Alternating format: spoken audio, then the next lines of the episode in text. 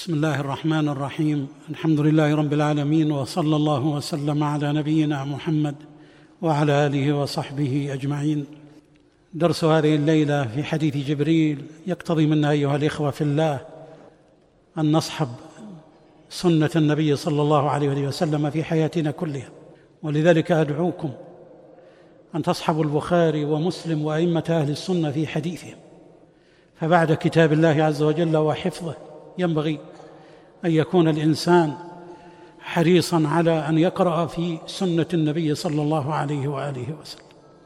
وهذا الحديث الجليل العظيم نختم درسنا من خلال مسألتين مهمتين. إحداهما هذا الحديث الذي دل على معالم الدين من أولها إلى آخرها يعطينا قاعدة في مسألة كثيرا ما يقع الغلط فيها وهي مسألة الثوابت والمتغيرات. هناك خطأ يقع فيه الكثيرون وهو قوله الإسلام فيه ثوابت وفيه متغيرات. ما هي الثوابت؟ أن تؤمن بالله وملائكته وكتبه ورسله هذه الثوابت. والباقي الدين كله متغيرات. وهذا خطأ. هذا خطأ. يريد أن يجعل الثوابت هي الإيمان بالقلب وما عدا ذلك كل شيء يتغير. ونقول كلا حديث جبريل يدل على أن الدين ثوابت. كل ثوابت. الإسلام بأركانه ثوابت. والإيمان بأركانه ثوابت. ولوازم الإسلام والإيمان ثوابت. وأحكام الدين ثوابت. وما جاء به كتاب الله من أوله إلى آخره كل آية فيه دلت على حكم من الثوابت. وما صح عن نبينا صلى الله عليه وسلم مما رواه البخاري ومسلم أو رواه أئمة الإسلام. كل واحد منها ثوابت أثبت من الجبال الراسية. والمتغيرات؟ المتغيرات اجتهادات العلماء حول هذه الثوابت. العلماء يتكلمون في تفسير القرآن وأحكامه وفي شروح السنة. هم يدورون فهذا قد يتغير الاجتهاد قد ينظر الإنسان فيه نظر فقهي معين كما للأئمة الأربعة ولغيرهم. لكن كلهم يدورون حول الثوابت. فلذلك انتبهوا لهذه المسألة العظيمة. الدين والشريعة بأركانها بأحكامها من الثوابت. هل يستطيع أحد أن يغير آية أو حديث؟ لا يستطيع. اذا هي من الثوابت. وإنما العلماء يدورون حولها فمن قريب فمنهم من يقرب ومنهم من يبعد وكل أحد يؤخذ من قوله ويترك. أما ما جاء به الكتاب والسنة فهو الثابت الفصل الذي يحكم بين المختلفين. وعلى هذا هل الشريعة بكتابها وسنتها بأركان إيمانها وإسلامها وإحسانها بأحكامها وقواطع وقواطع ثابتة؟ نقول نعم كلها ثابتة. وإنما يتغير شيء من الاجتهاد فيكون مصيب ومخطئ. من أصاب فله أجران ومن أخطأ فله أجر واحد.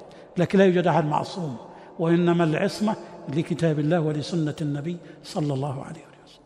أما الذين يتلاعبون بالدين ويقول القائل منهم لا الثوابت قليله والباقي كلها متغيرات مع تغير الزمان والمكان.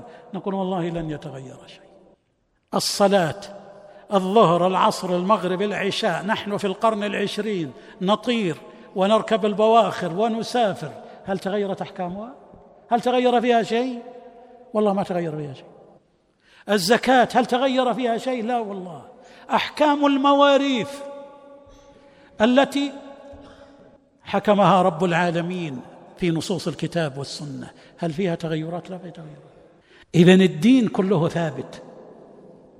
وإنما الذي يتغير اجتهاد بعض العلماء فمنهم من يصيب ومنهم من يخطئ.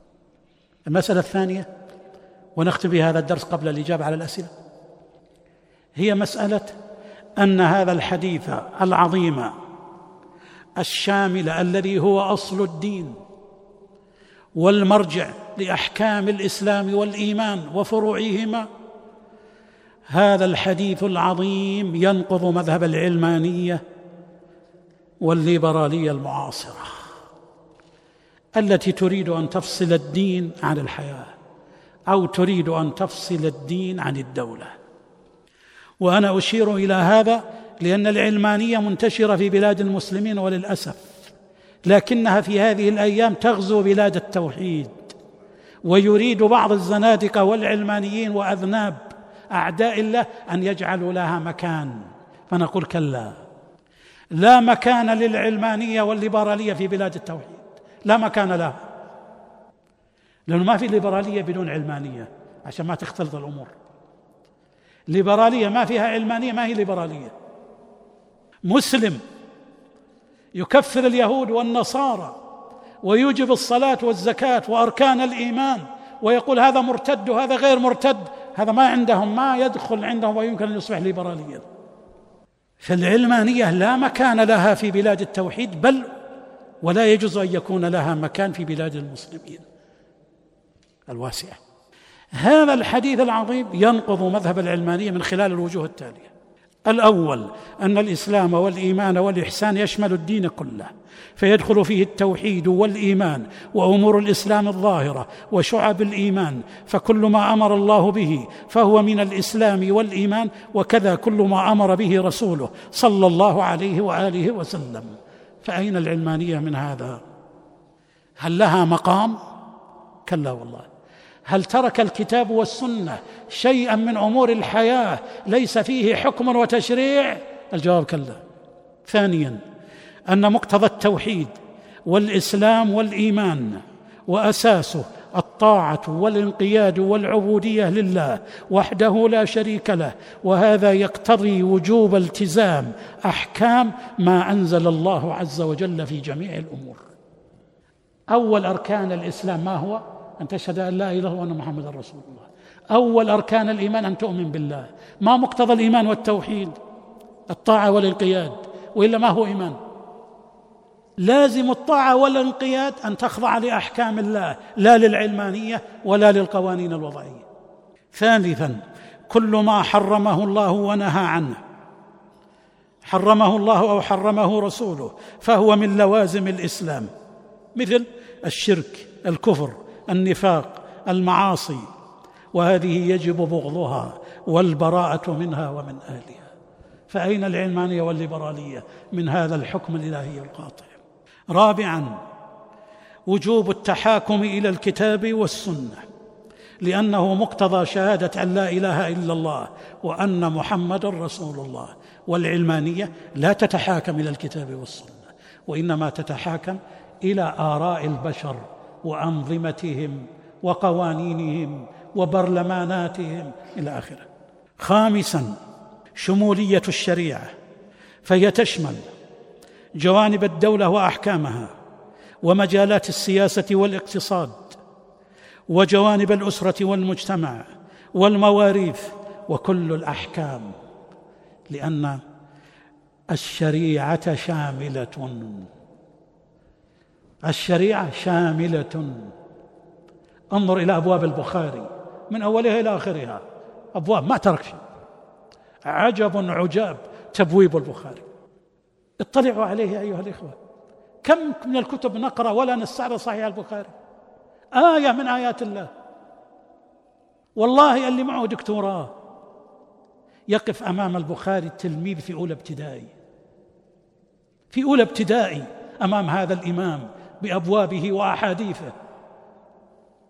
شيء عجب عجاب. ثم يأتي من يطعن في دين الله عز وجل. ويتهم البخاري. لذلك علينا أن نعتصم بحبل الله بالكتاب وبالسنة. كونوا تلاميذ للبخاري ومسلم رحمهم الله تعالى. اقرأوا فيهما. فالشريعة شاملة. سادسا أركان الإيمان وأركان الإسلام والواجبات الأخرى وكل ما حرمه الله ونصوص الكتاب والسنة ووجوب التحاكم إليهما ثوابت لا يصح الإيمان إلا به. فلا يدخلها تغيير فضلا عن أن تنقضها علمانية أو ليبرالية شرقية أو غربية. سابعا مقتضى الإسلام. الاستسلام لله بالتوحيد والانقياد له بالطاعة. وهذا أساس الإسلام والعلمانية تنقض هذا الأساس. ثامنا الشهادتان متلازمتان. شهادة أن لا إله إلا الله. وأن محمدا رسول الله ومقتضى التلازم أنه لا عبودية ولا توحيد إلا بإخلاص ذلك لله ولا دين ولا إسلام إلا بتوحيد المتابعة لرسول الله صلى الله عليه وسلم والخضوع لأحكامه وشريعته والتحاكم إليه عند التنازع. تاسعا هذا الحديث يدل على أن من زعم أنه يسعه الخروج على شريعة محمد صلى الله عليه وسلم فهو خارج من الملة بالإجماع. عاشرا لا إيمان ولا إسلام. هذا يشمل جميع الأمة. بأفرادها بمجتمعاتها بدولها. لا شرعية لنظام ولا لدولة إلا بأمرين. الأمر الأول أن يكون الإسلام والشريعة الإسلامية هي المصدر الوحيد للتشريع. الأمر الثاني أن كل نظام يخالف الكتاب والسنة فهو باطل ومردود. انتبهوا للتلازم بينهما وهذا ينقض العلمانية من أساسها. فهذا الحديث وغيره من الأحاديث وما جاء في كتاب الله عز وجل يقتضي أن الإسلام شيء والعلمانية والليبرالية شيء آخر ينقضه تماما. مناقض له بالكلية لأن الدين توحيد وإيمان وعقيدة وشريعة وأحكام. والعلمانية تقول لا من العلمانية من يرفض الدين ويكرهه وهذا غالب أحوال العلمانيين. ومنهم من يقول التدين في القلب في الأخلاق شخصي. أما أن يحكم الدين على المجتمع ونظمه أما أن يحكم على الدولة ونظامها فيقول لا لا دخل للدين. هذه هي العلمانية. الحق. فإذا كان كذلك فعلينا أن نعتصم بحبل الله وأن نتواصى وألا نستمع. أولئك الكتبة الذين يشككون الناس في دينهم وفي أحكام شريعتهم. أسأل الله أن يرد كيد الكائدين وأن يردنا إليه ردا جميلا. وصلى الله وسلم على نبينا محمد وعلى آله وصحبه أجمعين.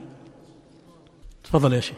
شكر الله لصاحب الفضيلة على ما أفاد وقدم وجعل ذلك في موازين حسناته. نعرض على فضيلته بعض الأسئلة التي وردت. هل ثبت اسم منكر ونكير؟ جاء في بعض الروايات يعني بعض العلماء حسن الحديث. حسن الحديث الذي قال أحدهما منكر والآخر نكير. أما أنه يسأله ملكان فهذا ثابت في الصحيح. نعم. هل يصح تسمية ملك الموت بعزرائيل؟ أظنه لم يرد في ذلك. حديث صحيح. نعم. هل الملائكة تموت؟ الذي يظهر في في مدلول قوله تعالى كل شيء هالك إلا وجهه أنهم يموتون والله أعلم. نعم. هل يصح قول اللهم لا أسألك رد رد القضاء ولكن أسألك اللطف فيه؟ لا هذا فيه فيه يعني خطأ في التعبير. فيه خطأ في التعبير. لأن قول لا أسألك رد القضاء هذا جاء في حديث لا يرد القدر إلا الدعاء. فقد يكون هناك قدر يرده الدعاء.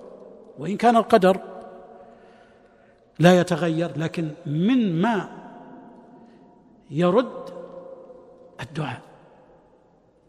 فعندنا أمران لا نخلط بينهم.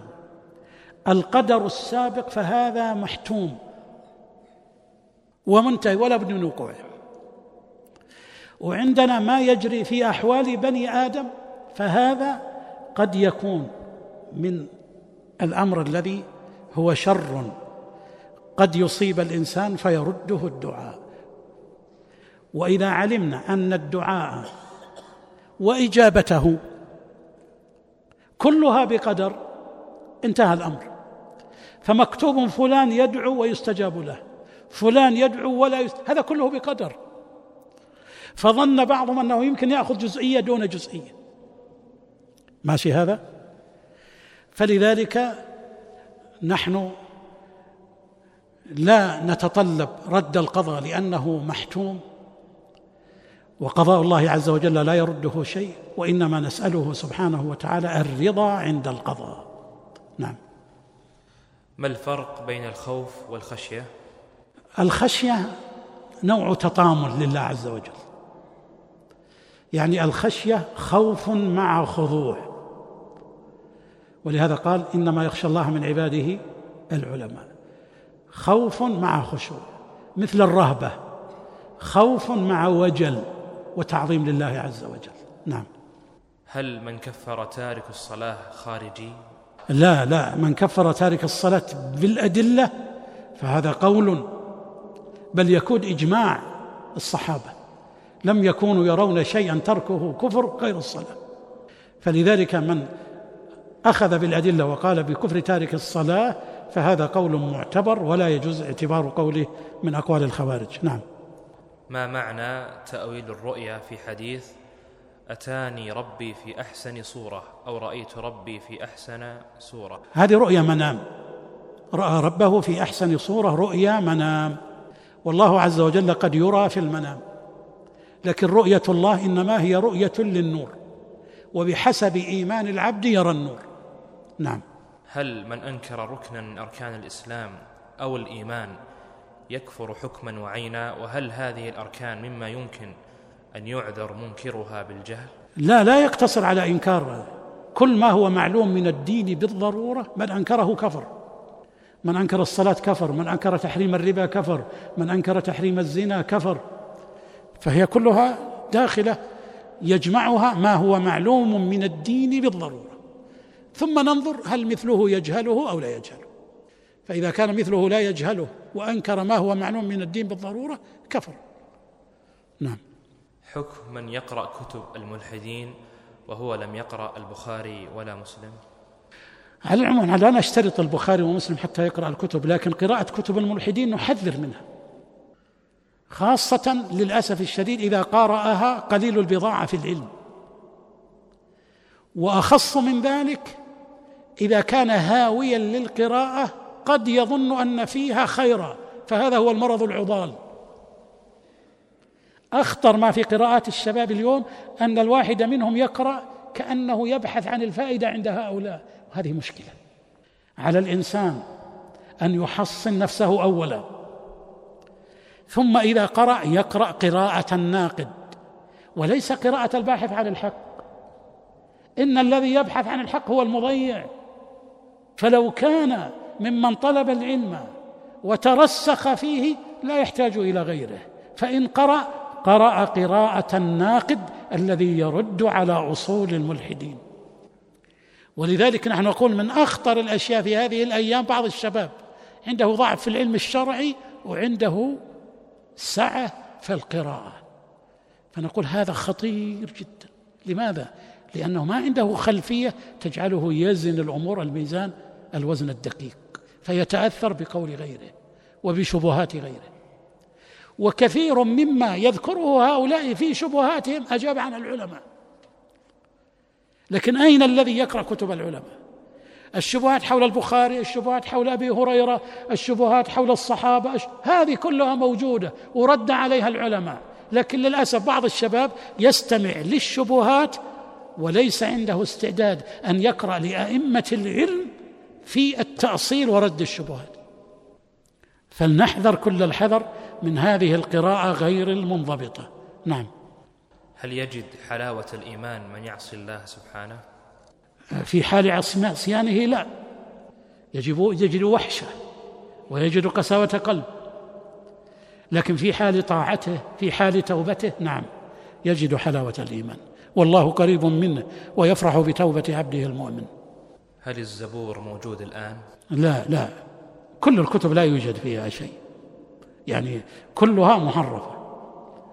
يعني يمكن آه، بعض آه، نسخ من التوراة أو شيء يعني أقرب إلى الحق. لكن أغلب الكتب محرفة. وما بين يدي أهل الكتاب بما يسمى الكتاب المقدس مليء بالتحريف. التحريف الكبير في الدين والأخبار واتهام الأنبياء بما ينزهون عنه. نعم. هل الخضر نبي؟ الخضر فيه خلاف. هل هو نبي أو لا؟ والأرجح أنه نبي. والدليل قوله في قصة موسى وما فعلته عن أمري. لكن الخضر ميت ولا يلتفت إلى من قال بحياته حتى من الفضلاء. الإمام النووي على علمه وفضله رحمه الله تعالى تأثر ببعض مشايخه الذين يقولون بوجود الخضر أو الذين يزعمون أنهم التقوا بالخضر. هذا من العجائب. الخضر مات. لم يكن لماذا لم يقابل الرسول؟ لماذا يقابل الصوفية المتأخرين ولا يقابل الرسول ولا أبو بكر ولا عمر؟ ما هذا الهرى ما في أحد يبقى ما في أحد يعيش. كل ما يزعمه هؤلاء إنما هي دعاوى. شيوخ الصوفية أنهم قابلوا الخضر. فأين الدليل؟ لولا أن الخبر جاء عندنا في كتاب الله وفي صحيح البخاري في قصة موسى والخضر ما علمنا. أليس كذلك؟ فكيف يأتي قائل ويقول شيخي يقول قابلت الخضر ويقابل الخضر ويتكلم مع الخضر؟ ما الدليل؟ لا يوجد دليل إنما هي دعاوى. ولا يوجد أحد حي. النبي صلى الله عليه وسلم قال لا يمضي قرن ولا أحد على وجه الأرض حي لا خضر ولا غيره. فالصواب وفاته. نعم. ما الواجب على المسلم في هذا الزمن الذي انتشرت فيه الفتن والشبهات والشهوات؟ الواجب عليه أن يعتصم بثلاثة أنوار نور العبادة والقرب من الله ونور التأصيل الشرعي ونور الدعوة إلى الله والأمر بالمعروف والنهي عن المنكر. هذه أنوار ثلاثة. تريد تنور قلبك؟ لا تخرج من هذه الثلاث نور العبادة والقرب من الله بأنواع القربات. اثنين نور التأصيل الشرعي ينور قلبك ويرزقك البصيرة. مثل نور السيارة العالي يعطيك البصيرة. بينما نور العبادة مثل نور السيارة الواطي يعطيك الطمأنينة.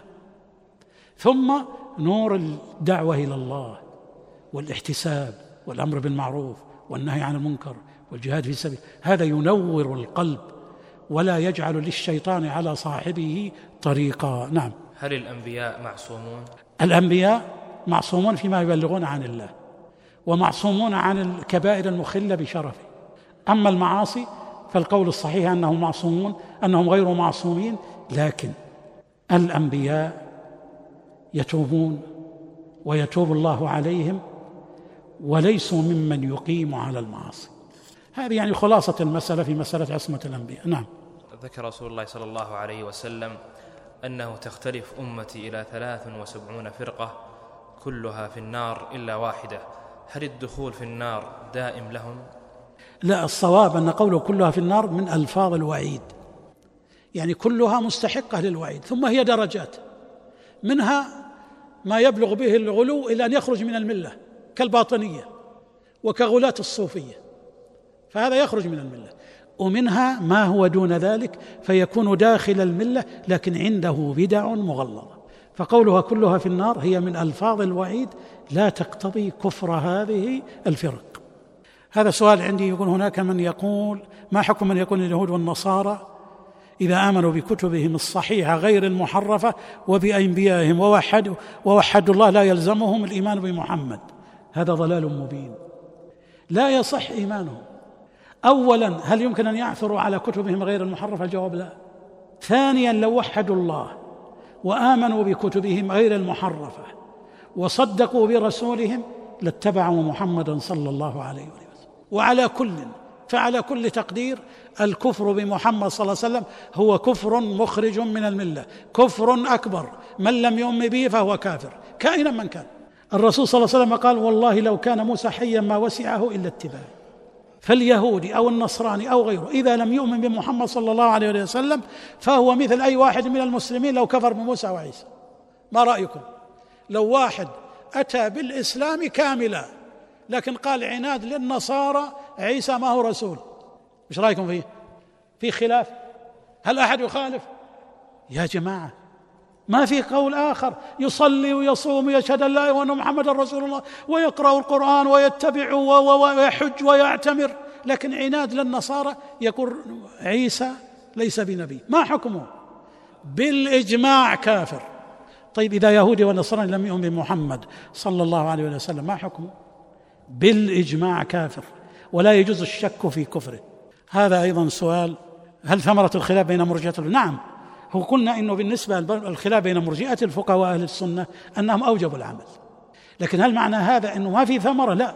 عدم إدخالهم الإيمان. العمل في مسمى الإيمان خروج عن السنة. كذلك أيضا منعهم من زيادة الإيمان ونقصانه. كذلك أيضا تحريمهم الاستثناء في الإيمان. كذلك أيضا قول بعضهم إيماني كإيمان جبريل لظنهم أن الناس يتساوون في الإيمان. فهذه كلها فروقات بين مذهب أهل السنة ومذهب مرجئة الفقهاء. ما الفرق بين مذهب الخوارج وبين مذهب أهل السنة في الإيمان؟ الخوارج والوعيدية مثل أهل السنة يقولون الإيمان قول واعتقاد وعمل لكن الفرق أنهم جعلوا من أخل بأي شيء من العمل فهو كافر. من ارتكب كبيرة أو ترك واجب عنده فهو كافر. أهل السنة يقولون لا. الإيمان قول واعتقاد وعمل لكن هذه الأمور منها ما يخرج من الملة ومنها كبائر إذا تركها يكون ناقص الإيمان ولا يخرج من الملة. هذا هو الفرق بين المذهبين. كيف نوفق بين الخلق الحسن والبراءة من الشرك وأهله وبغضهم؟ وخصوصا أننا نرى بعضهم بشكل يومي. كيف التعامل معهم؟ آه غير المسلمين؟ آه لا يا أخي. هناك فرق. خلق الله عز وجل لا شك أن الله عز وجل خلقه في أحسن تقويم. فسواك فعد. هذا خلق الله. ولهذا خلق الله الإنسان في أحسن وكرمنا بني آدم. هذا لا يتعارض مع أن هال بني آدم الذي خلقه الله أحسن خلقه إذا استكبر على ربه وكفر بالله أنك تبغضه.